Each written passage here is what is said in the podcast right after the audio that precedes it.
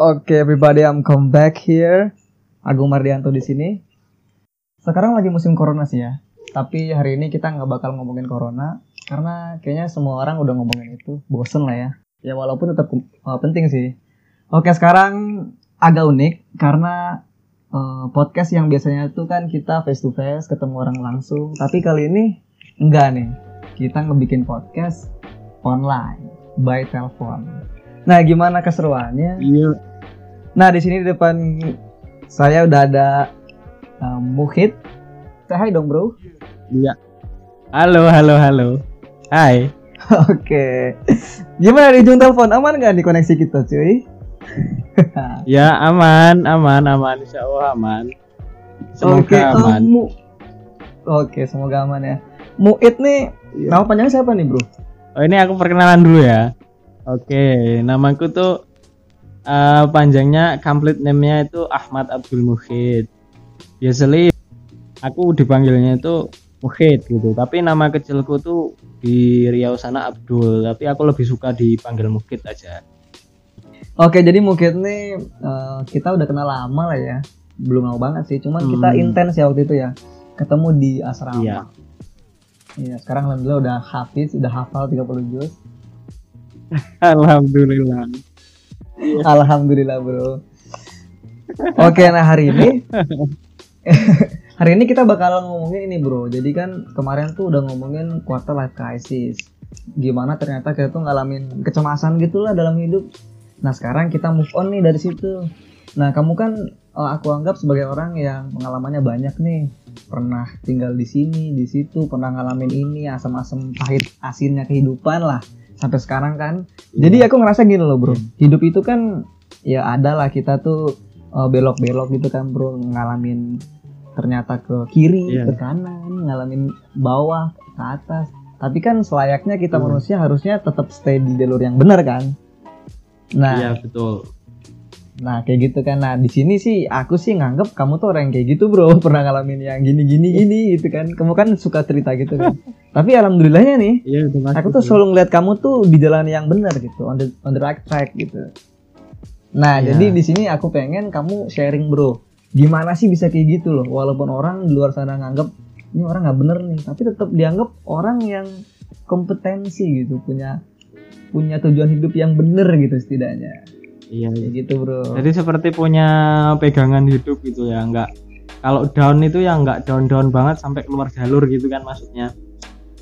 iya benar nggak sampai keluar jalur gitu Jadi kalau menurutku ya itu tuh eh, sebenarnya semua orang tuh bisa sih kayak gitu. Tapi balik lagi ke diri masing-masing dan keluarga juga. Kenapa aku bilang keluarga? Karena eh, bagaimanapun peran orang tua ya kan? Peran family dari kecil itu besar gitu loh. Bisa menentukan juga gue karena apa? Karena gini logikanya. Kalau dari kecil ya kan? Kalau dari kecil anak ini disogoi atau disuguhi tentang ilmu-ilmu agama aja misalnya ya. Ya nanti besarnya tuh memorinya banyak tentang itu gitu kan. Kalau apa namanya anak ini disuguhi eh, kayak tentang bahasa Inggris atau music atau yang lainnya gitu kan. Nah itu mungkin akan lebih banyak opsinya gitu. nah kenapa aku bilang gini? Karena memang bener bro. Memang bener. Aku rasa kamu juga pernah ngerasain deh. Kayak rasanya tuh kayak gimana ya? Kayak eh, misalnya kamu nggak sholat. Misalnya eh, kita sebagai muslim ya nggak sholat gitu Iya. kan. Pasti itu eh, sebagai ajaran yang kayak melekat waktu eh, kecil dulu gitu kan nah ini bicara tentang yang dasarnya dari kecil dulu gitu kan gimana kalau misalnya sekarang gini bro. Sekarang kita dari kecil nggak dapet asuhan dari orang tua ya kan? Kita nggak dapet ya. apa-apa gitu. Nah, kalau itu sih menurutku yang paling harus dijaga, yang paling harus diketatin itu di umur-umur uh, teenager. Teenager itu ya 10 tahun ke atas, 20 tahun ke bawah. Itulah teenager. Di situlah masa-masanya labil banyak ya masa-masa nah gitu. Kayak uh, puberti gitulah. Ya kan? oh ya Jadi masa-masa itu kayak SMP ke SMA, SMA ke mau kuliah itu sebenarnya eh, saat-saat yang penting untuk benar-benar jaga jaga diri dalam artian ya memang penasaran sih bagus tapi kita tuh harus bisa nahan diri gitu. Misalnya kita penasaran pengen apa namanya eh, Wah, itu banyak banget, atau pengen ganja atau pengen apa namanya perempuan dan lain sebagainya itu. Ya boleh penasaran tapi ya cuman sewajarnya sebatas penasaran aja. Oh, iya, soalnya kan teenager ya. Ah, kalau aku ya cara mengatasi itu tuh kalau aku tanya ke orangnya kita nggak usah harus ngerasain apa apa yang kita penasaran apa yang kita penasarin gitu loh. Paham nggak? Hmm, oh iya iya, yang nggak harus dicoba. Mm-mm, misalnya aku penasaran eh gimana sih ah, rasanya tuh kalau kita ganja kalau kita mabuk kalau kita main perempuan dan sebagainya. Ya kan kita bisa buat teman kita kita bisa maksudnya bisa buat jaringan teman yang nggak harus itu baik-baik semua gitu. Kan kan cuma teman jadi kita Oh iya. cari teman yang eh, yang seenggaknya tuh dia tuh pernah ngalamin kayak gitu. Nah itu kan nggak wawasan. Jadi kita tanya gitu ya. Rasanya gimana sih bro? Gini, gini, gini. kurang mantap pasti kan. Maksudnya kurang eh, rasa penasaran kita tuh kurang terjawab gitu kan. Ya udah cari Kurang teman pasti. lagi cari teman lagi. Mm-mm, cari teman lagi sampai teman kita itu banyak. Nah di lain sisi kita juga sambil memperbanyak teman kan Gung jadi kita bisa lebih fleksibel jadi orang nggak kayak Oh iya, open minded ya. Kita nggak nah gitu nggak sempit di ya. lain ini sisi ya. itu uh-uh, di lain sisi kita juga bisa mengobati rasa penasaran waktu kita puberty gitu loh jadi Hmm. ya gitu ya enggak menurutmu gimana iya enggak iya kan iya juga sih. masuk akal Ini nggak? kan Iya, ini kan eh, semacam golden age-nya tuh di teenager ya, masa-masa kita Hmm. bingung dan penasaran tuh banyak banget di masa-masa itu, Hmm. ya kan? Hmm, kita ngerasa- hmm. Oh, ah ini apa sih? Pengen nyobain deh ini. Ya masa inilah show off lah. Ini aku loh gitu kan. ya, Kamu bener apa banget. sih? Gitu. Rasanya kayak gitu apalagi cowok ya Bener kan. banget. Nah, ternyata apalagi cowok itu bisa di nah, ternyata itu bisa di eh, bisa diobati dengan bertanya ya, Bro ya. bisa dong Mencari sebenarnya tahu. bisa Tanpa harus mencoba ya. iya kalau aku pengen eh, kal- boleh nggak nih cerita pengalamanku nih ya pengalaman Silakan. dulu tuh aku Silakan. bener ini jujur jujur aja yang Hmm. namanya man- manusiawi sih ya walaupun entah anak pondok entah anak apa yang namanya manusia ya manusia sama aja gitu kan maksudnya punya Iya. apa ya punya hasrat gitu kan Iya, kadang setan, kadang malaikat makalah ya. ya itu dia. Kadang tuh aku pernah penasaran eh gimana sih rasanya mabuk gitu kan? Kayaknya enak gitu kan? Maksudnya Iya. ada masalah gini. Ada masalah gini ada masalah gitu gitu kan. Aku mandangnya tuh kayak eh kayak sesuatu yang sepele toh juga kayaknya kalau aku nyoba kayaknya masa depanku nggak bakal terganggu kan gitu. Kalau misalnya ya kan? Aku nyoba Iya. mabuk. Nah tapi di lain sisi yang ku bilang tadi eh, peran keluarga atau eh, itu juga penting sih. Hmm, di situ iya, aku inget di situ aku inget apa namanya? Aku minum satu kali atau tidak sama sekali dan kalau aku minum sekali ini bakal aku nyesel seumur hidup gitu walaupun ini nggak bisa merusak masa depanku gitu loh tapi kayak gini lah bro istilahnya tuh kayak misalnya cewek gitu ya cewek gitu ya. Oke, cewek. misalnya nih. cewek eh, ah, misalnya cewek ngelakuin apa namanya hubungan eh, a- apa lawan jenis maksudnya itu ya hubungan Mantap-mantap. suami istri gitu ya ya maksudnya gitu gitu kan Oke. dia bakalan udah nggak perawan lagi gitu kan nah itu Iya. mirip rasanya kayak gitulah Oh, rasanya iya, kayak iya. gitu nah terus aku mulai bagi pikir kamu- tuh Oh, jadi bagi kamu tuh waktu itu minum tuh seperti itu ya? "Mm-mm, mirip kayak gitu Oke. terus aku mulai mulai mikir tuh mulai mikir apa namanya terus gimana ya udah pengen banget gitu kan ya udahlah aku tanya eh gimana sih rasanya gimana sih habis mabuk diceritain detail rasanya gini gitu ya gini itu ya gini umumnya umumnya kita bakalan tambah penasaran kan Iya dong, merasa malah pengen nyobain gitu. Benar. iya kan ya udah kita lupain aja dulu terus kita cari lagi kenalan tanya lagi tanya lagi sampai sampai kita itu kayak udah bosen gitu loh kayak udah ah cuman kayak gitu toh gitu ah Hmm. kayak gitu toh Oh iya iya iya iya iya. ya enggak Cuma Ya, gini gini, itu. Bro. Kamu kan Gimana? kayak gitu ya. Maksudnya kan ada orang di luar sana yang ternyata nanya baru ke satu orang, langsung diajak. Itu gimana, Bro, kalau kayak gitu?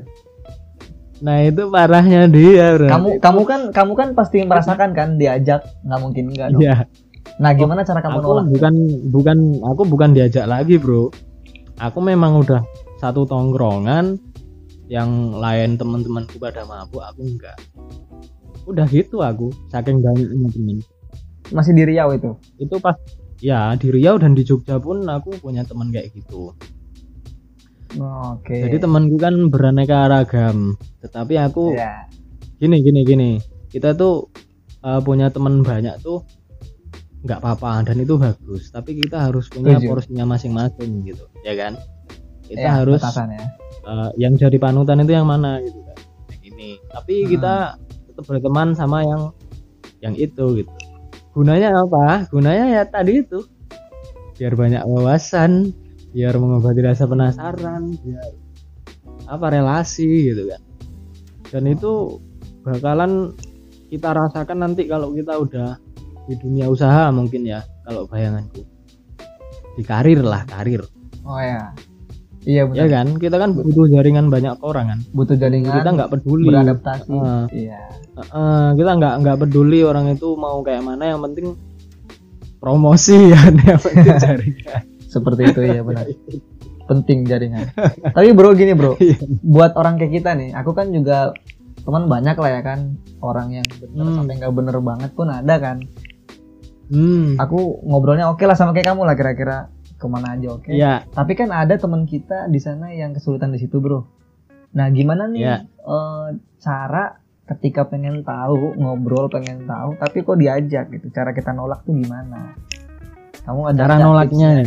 Iya, cara pertama ya gimana? bener-bener harus punya kemauan nolak bro maksudnya Kemauan tuh nggak sekedar maksud ya, Oh. tapi ada caranya ada caranya biar Oh, kita berarti- tetap, tetap sama Mm-mm, tetap sama dia Kemauan di sini hubungan. Berarti kemauan di sini adalah ketegasan gitu bro, bahwa kita iya menolak. Gitu ya itulah yang eh, itulah yang ku bilang tadi kita harus punya porsinya masing-masing Hmm. jadi kayak aku temenan sama kamu nih kamu kan anak baik-baik Eh, misalnya aku temenan Waduh. sama ya maksudnya sama yang kayak kita se- sejenis gini ya Iya. spesies gini ya ya itu mungkin kita bisa kasih taruh lah kalau di di miser ke angka tuh ya kita taruh di eh, 80% lah gitu jadi apa pun iya. gimana pun kita bisa nerima kalau misalnya sama orang yang udah bener-bener di luar jalur kita misalnya Hmm. kehidupannya udah gitulah ya kita taruhlah 20% aja gitu kita ambil dari mereka yang masalah apa ya kayak mereka pinter di masalah apa gitu masalahnya kan Pasti semua ada orang ya. pasti mm, semua orang itu kan pasti punya mm, kelebihan masing-masing kan Iya setuju. Nah, jadi kita ambil kita ambil itu itunya aja. Untuk cara nolaknya Hmm. untuk cara nolaknya aku biasanya ya aku biasanya enggak aku udah merokok aja gitu kan enggak doyan aku maksudnya enggak doyan itu eh gimana ya? Enggak mau gitu. Biasanya nih bro kalau memang eh, kalau memang bener-bener kita temen gitu kan. Misalnya aku temenan sama orang kayak gitu aku tuh buat ikatan tuh yang kira-kira mereka bisa menghargai aku gitu loh paham nggak Oh iya. jadi setuju. kita nolaknya enak Heeh.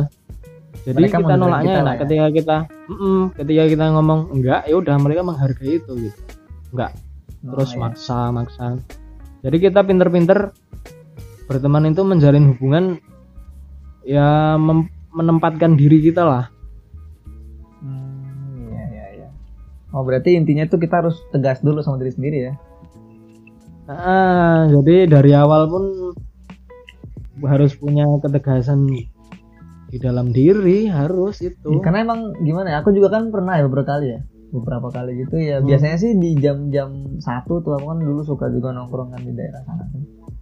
Itu biasanya tuh udah deh bau-bau gituan bro memang sih ajakannya tuh parah ya kadang-kadang ya terus juga biasanya Hmm. nih terus kayak misalnya kalau kita lagi ke puncak gitu kan daerah-daerah dingin lah Hmm. udah suhu-suhu dingin nih Hmm. biasanya tuh Iya, udah deh iya. ada aja duitnya mah oh berarti Iya, intinya itu. adalah ketegasan sama diri sendiri ya benar sih kayak gitu ya. ketegasan sama diri sendiri masalahnya mau nggak mau enggak tapi Nah, memang sih ada saatnya iya benar ada saatnya sih kita tuh ngerasa oh sekali aja deh gitu ya setengah aja tapi emang kita harus tetap bener-bener say no ya bro ya say no bro. Masalahnya eh, bukan rahasia umum lagi kan kalau eh, hal seperti itu tuh membuat ya bukan candu yang dalam artian sakau atau gimana gitu ya. Maksudnya eh, takutnya itu jadi opsi. Maksudnya opsi itu gini loh bro. Oh iya. Ketika kita eh, menempatkan mabuk minuman keras atau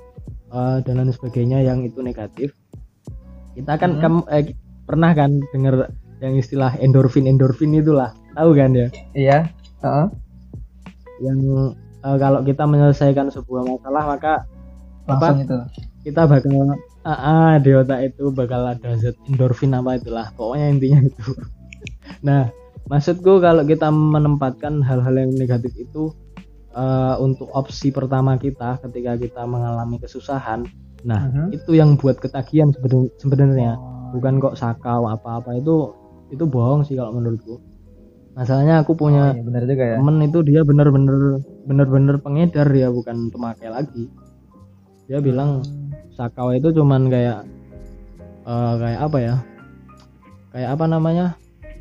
Melebih-lebihkan itu loh. Mau berlebihan Mm-mm. jadi Jadi- itu ada juga guruku tuh dia cerita sakau-sakau gitu kan. Cuman emang bener di itu Enggak, sih bro. ya ya enggak. Lebih ke itu ya. Sebenarnya opsi tadi ya? Cuman hiper ah, cuman hiperbolis aja itu kalau sakau-sakau itu. Hiperbolis. Iya sih. Jadi Tapi misalnya gini- sih hiperbolis. Hiperbolis yang dibutuhkan ya? Ah, iya Karena biar orang, buat "Wah!" ya. iya biar kita kita yang nggak tahu jangan. Iya benar benar Jadi kalau kita biasa nih misalnya menempatkan hal positif ke opsi pertama gitu kan. Kita Iya. kalau lagi kesusahan kita bisa bisa lah seenggaknya walaupun enggak apa beribadah atau gimana seenggaknya ya sharing aja lah sharing ke teman itu kan ya sharing ke teman baik bagus toh maksudnya tuh mm, sharing-sharing dulu. Gitu pecahkan masalahnya itu ya. jangan lari hmm, jangan lari dari masalah. Olahraga Kalau gitu kita udah- kan bisa. Hmm. kalau kita udah menempatkan kayak gitu di opsi pertama udahlah besok-besok pasti nyari lagi. Dan padahal Iya, nih ya kalau manusia itu kan as a human as a normal Hah? being apa human being kita kan ya roda itu kan pasti berputar kan kita nggak mungkin bahagia terus kan pasti kita nanti terpuruk bahagia Betul. terpuruk bahagia. Ya kan itu yang namanya emosi kan. Nah di situlah Mhm. para para setan-setan datang gitu ya. Membujuk kadang nggak cuma di bawah tapi di atas juga ya bro ya. Nah itu dia sih. kita bisa beli kayak gitu. Merayakan gitu ya. merayakan. Hmm. merayakan sesuatu. Eh, ini aku pernah denger nih bro. Ini sesuatu hal yang bagus ini unik. Jadi tuh? ini nggak apa-apa ya bawa bawa agak-agak agama cuman ilmiah sih. Jadi Hmm, oke. Asal bermanfaat dan valid ini kalau eh, kalau if I'm not wrong ini Sayyidina Umar. Jadi pernah ada sahabat itu minta kayak ha, minta kayak kenapa sih kita itu harus punya hawa nafsu? gitu kenapa sih kita harus punya emosi dan lain sebagainya gini? Kenapa nggak dihilangin aja? gitu kan. Nah kalau dihilangin kita bakal dapat pahala dari mana? Kalau dihilangin kita bakal dapat kepuasan dari mana? Sedangkan itu seperti halnya kayak kateki gitu loh yang Sayyidina Hmm. Umar itu jawabnya gini sebenarnya kita nggak usah minta itu dihilangin tapi kita harus bisa memanage bahasanya itu mengatur gitu loh. paham nggak Hmm. mengatur hawa nafsu gitu jadi bukan kok menghilangkan tapi mengatur gitu oh ya ya karena nggak baik juga nggak ya kalau ada- nggak ada ya. sama kayak Ya, kucing gitu. aja bro Iya, gampangannya tuh kayak ya ini maaf maaf aja bukannya nganu dunia medis ya. Misalnya gini kalau nggak ada penyakit ya kan nggak ada yang ngobatin dong. Kan gitu. Iya. kalau nggak ada ya kan semuanya kan ya beram. Kalau nggak ada penjahat ya nggak ada polisi dong. Gitu kan. Hmm, nanti normal-normal aja ya mas. Normal aja sebenarnya. Eh, seberapa besar ref- refleks kita kan sama hidup kita gitu iya memang itu sih ya bro. Kadang yang membuat kita belok tuh ya nafsu ya. Nafsu. Dan kita harus iya. Bahkan gini bro aku pernah memikirkan ini. Hmm, pernah memikirkan ini ini according to me ya. Jadi eh, cobaan itu dihadapi bukan hitungan hari besok ada akan ada cobaan atau nanti akan ada cobaan. Dan kita harus siap-siap sekarang. Bukan itu tapi cobaan itu datang setiap detik bro. Even detik loh. bukan menit bukan apa bukan jam bukan besok tapi detik. Gitu. ya enggak. Sekarang logika sekarang logikanya gini. Sekarang logikanya gini. Misalnya kita lagi podcast nih ya kan? Iya. Ini ki- kita kan lagi muter podcast nih. Terus kamu bilang hal-hal kotor ke aku kamu menyudutkan aku kamu eh apa ya? Kamu menghina aku kamu pokoknya kamu mm, ngomong sesuatu yang bisa buat aku tersinggung gitu kan nah itu kan cuman hitungan detik kan hitungan detik yang bisa Hmm. ngerubah sikapku kan nah itu dialah makanya kita harus Oh, iya. siaga makanya kita kita, hidup- harus iya iya iya Det- Iya kan, detik- detik ya. Detik bro. Coba aja kamu misalnya nyinggung aku atau jadi aku nyoba sekarang nih aku nyoba nyinggung kamu nih. misalnya kamu lagi di sebelahku, terus kamu nampar aku, jebret. reaksiku apa? Ya itulah reaksi yang aku timbul itu sesuai dari pengolahan diriku Hmm, yang iya, itu hitungannya detik ya kan? Detik aja ya nggak perlu menit nggak perlu jam ya. Nggak perlu menit nggak perlu jam nggak perlu kita mikir besok plannya gimana. Harusnya ya langsung le- leherku patah langsung ya bro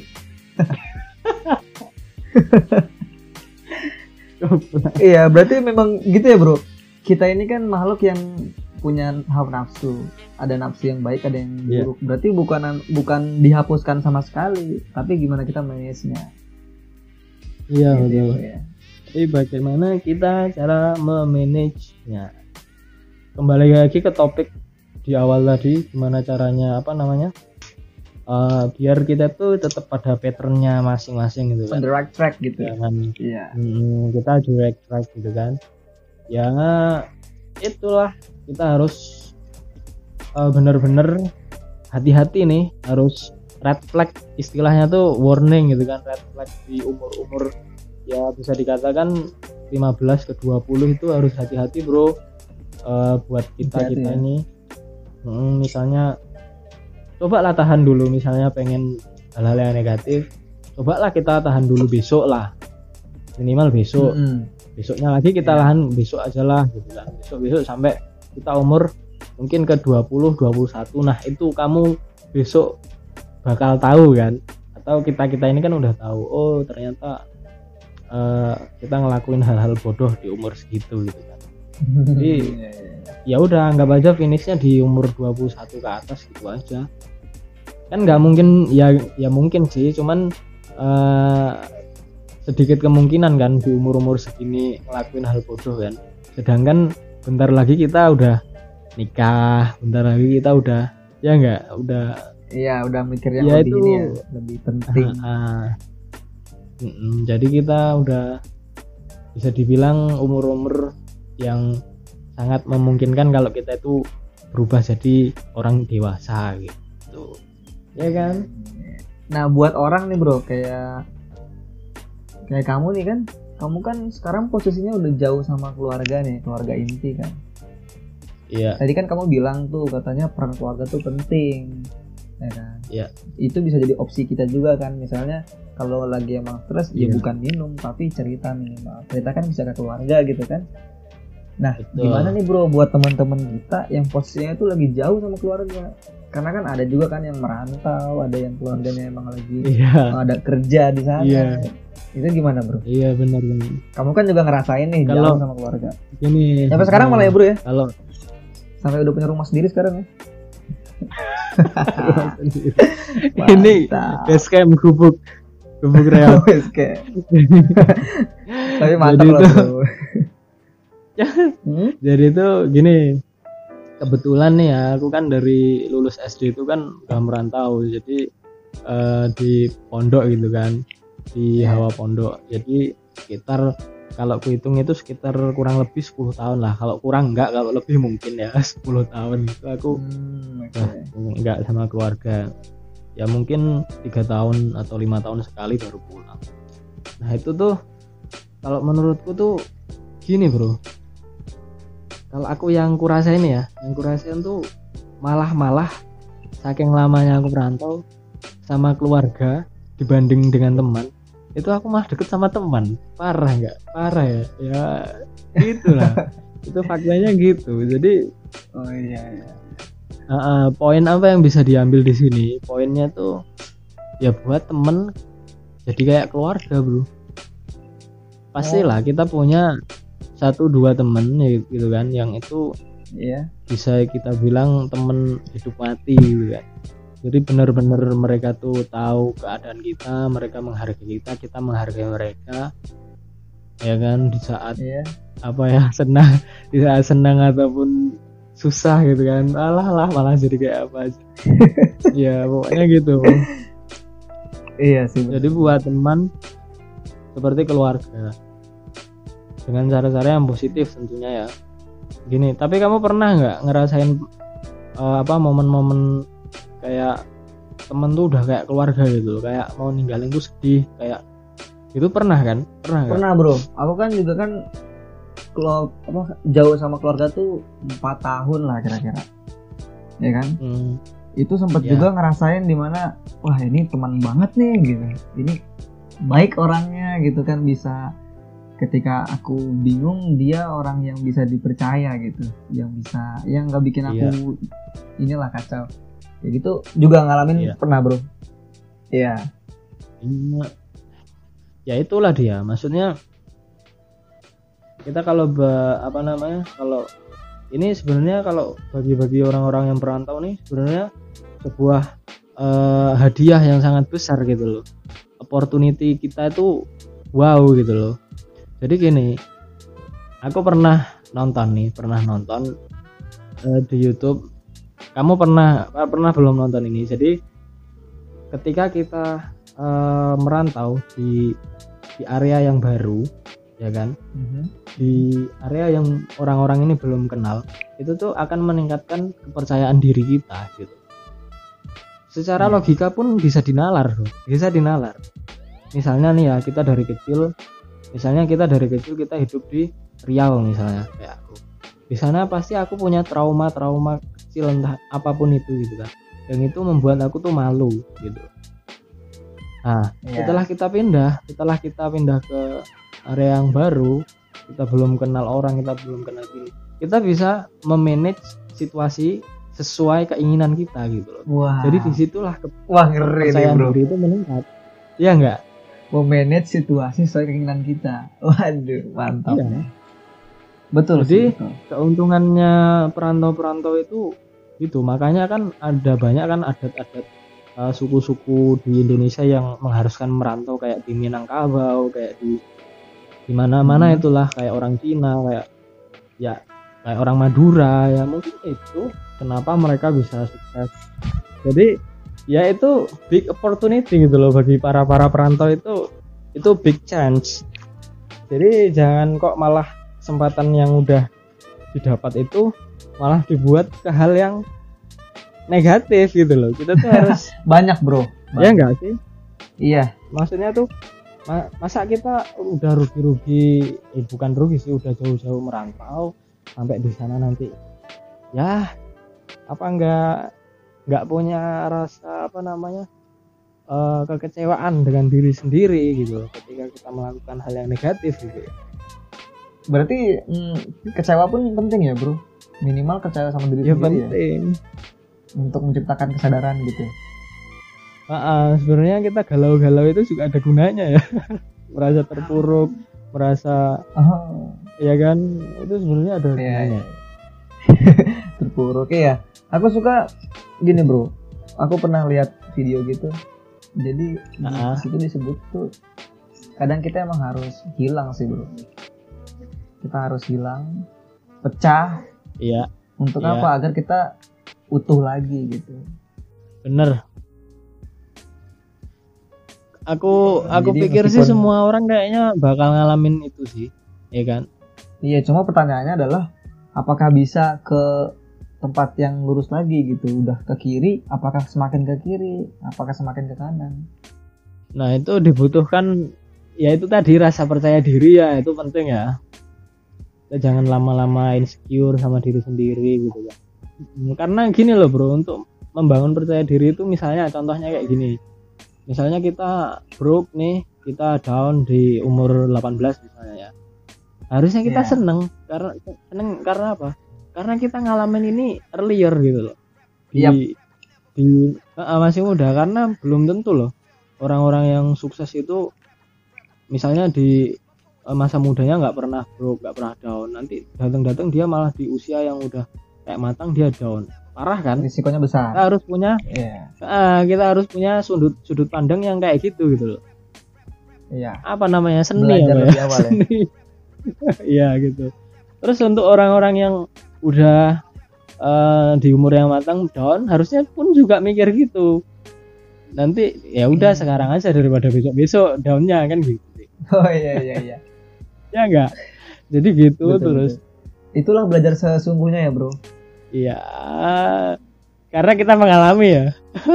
iya betul ya mungkin iya karena kita ngalamin ya karena emang aku juga sebenarnya beruntung sih pernah ketemu orang kayak gitu pernah di lingkaran itu pernah se Heeh. selarut itu kalau main gitu ya mungkin diajarkan agar ke depannya enggak gitu ya bro ya karena ya udah tahu gitu udah Benar. pernah udahlah gitu ya Heeh.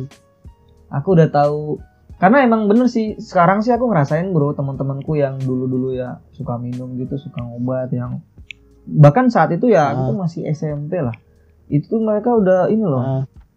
matanya udah merah gitu ya Udah tahu lah. berubah sekarang. udah udah berubah Oh, sebab gitu nah itu sekarang ya gitulah bro. Nggak bisa diharapin maksudnya sekarang udah terasanya baru sekarang bro. Apalagi nanti. Hmm. ini aja berjarak aku SMP ke sekarang kan cuma berapa tahun ya? Itu aja udah parah kan? Ya gitu sih mungkin saat Iya. itu kita oh, belum ngerasain Iya, impactnya benar. nanti. Nah karena kita udah tahu lebih dulu ya udahlah kita nggak gitu lagi Benar. sekarang. Iya gitu ya bro ya. Ada orang bilang tuh mulailah eh, tinggalkan orang-orang yang eh, negatif dan eh, bentuklah lingkunganmu sendiri yang kayak gitu-gitu sih. Kalau aku juga tapi kalau aku kayak agak kurang cocok sih. Masalahnya apa? Orang negatif itu dibutuhkan. Iya setuju. Orang orang negatif itu dibutuhkan untuk apa? Ya untuk gimana ya? Kalau bahasa jahatnya itu untuk eh, kelinci percobaan pandangan kita gitu. Iya bener oh banget, nanti kalau Heeh kan? Oh nanti kalau gini jadinya bakal kayak gitu. Jadinya kalau gini tapi kita temen gitu temen yang ada Iya. batasnya. Iya kadang ya enggak aku kan di kuliah kan ini ya aktif juga ya bro di, di perkuliahan gitu. Cuman aku juga iya. suka ngulangin waktu gitu untuk ngumpul. Aku jadi kadang-kadang kasih porsi sendiri gitu bro. Wah ini sampai aku tuh sama dia tuh dua minggu misalnya nih pulang bareng berangkat bareng pulang tuh sampai jam 11 malam. Karena biar tahu dunia dia biar tahu oh gini tuh Jakarta gitu. Oh ini tuh anak-anaknya. Oh cara mereka bergaul Iya. gini dark dark jokes gitu kan. Itu kan nggak bisa kita dapetin kalau nggak ngumpul bro. Ya kan? Ya benar. Jadi kalau menurutku kesimpulannya conclusionnya itu ya nggak usah lah terlalu baik gitu. Setuju. Nggak usah nggak usah lah terlalu lurus. Gitu tapi gimana gimana lagi walaupun kita nggak usah terlalu baik ya harus punya batasan itu tadi lagi. Wah, Ya ya, enggak. tetap kembali ke jalan yang ini ya tetap seharusnya kembali lagi ke jalan seharusnya. Heeh, kalau diibaratkan tuh ya misalnya nih misal misalnya motor kok aku tiba-tiba kepikiran motor nih. Misalnya motor nih. Motornya Jauren. mau dimodifikasi. Bukan. misalnya misalnya ada motor eh, Vega misalnya Vega Oren gitu Ninja Oren itu itu mau dimodif Oke. ya kan mau dimodifikasi sedemikian rupa. Tapi itu modifikasi yang bagus itu modifi- modifikasi yang tidak meninggalkan eh, tidak mengubah identitasnya gitu. Hmm. jadi tetap nih motor ini vegan vegan. tapi keren gitu paham nggak maksudnya oh, oh iya iya. iya. originalitasnya itu tetap dipertahankan justru modifikasi yang bagus itu seperti itu menurutku originalitasnya itu tetap Oh iya tapi iya. ada nilai seninya ya enggak ya ya mungkin mirip gitu ya hidup ya Memang harus dimodif juga sih ya hidup ya. ya Ya, Dalam modifikasi juga kan kadang ada yang lecet gitu ya bro ya. Tapi ya harus diamplas lagi. Udah warnanya pudar, iya gimana di kit lagi atau di poles lagi kan ya. bener Oke. Eh, ada ini enggak yang ingin disampaikan ke teman-teman nih, ke pendengar sebagai orang yang eh, belajar dari kehidupan gitu. Gimana? kalau menurutku ya eh, gini biar kalian semua aduh bahasanya nih biar kacau biar kita kita nih bisa bisa dalam jalan yang tetap lurus walaupun kita udah modif gitu kan walaupun kita udah keluar sana kemari tapi bisa kembali lagi gitu kan. Caranya ya itu harus eh, punya porsinya masing-masing. Kalau kita senang ya jangan terlalu senang. Kasihlah ruang gitu kan. Biar kita tuh kalau di bahasa Jawanya itu nggak kecelek kecelek itu apa namanya apa gong nasionalnya kecelek kecelek itu ke, ternyata salah gitu. Misalnya aku dapat hadiah gitu kan dapat hadiah di Hmm. dapat hadiah diumpamakan hadiah itu kayak kado gitu ya. Udah seneng banget nih kadonya udah bagus. Aku terlalu seneng terlalu berharap pada kado tersebut gitu kan. Ya. ternyata pas dibuka jebule. Nggak sesuai ekspektasi. Ya itu yang akan menimbulkan kekecewaan gitu kan. Nah makanya kalau seneng ya udah seneng biasa aja Hmm. gitu itu pun berlaku di semua hal bisa diaplikasikan gitu kalau misalnya Nah. misalnya nih ya suka cewek nih ya ya udahlah nggak usah terlalu suka gitu kan nanti Wah, ternyata itulah. aku udah terlalu nanti aku udah terlalu suka udah suka banget ternyata yang ceweknya nggak suka nih gimana patah hati kan Iya benar setuju. ya sebenarnya kita menyakiti diri kita sendiri dengan kesenangan yang berlebihan tersebut ya bisa dikatakan begitu ya Oke, thank you nih bro. Eh, next time kita bisa ngobrol yang lebih eh, yahut lagi nih ya. oke masalah cewek tuh yang paling menarik tuh Waduh, cewek lagi. Aku kurang sih bro, cuman oke lah Gimana kamu ya? yang share ya kan? ya kamu juga share lah kamu kan juga cowok kita sama-sama cowok kan jadi ya halo Iya, hai kodratnya begitu emang. Obrolannya emang begitu. Oke, em, sekian ya dari podcast ini. Semoga dapat manfaatnya. Thank you buat Siap, siap. jadi narasumber di sini. oke thank you Uh, Oke, so Agung Mardianto, let's go crazy.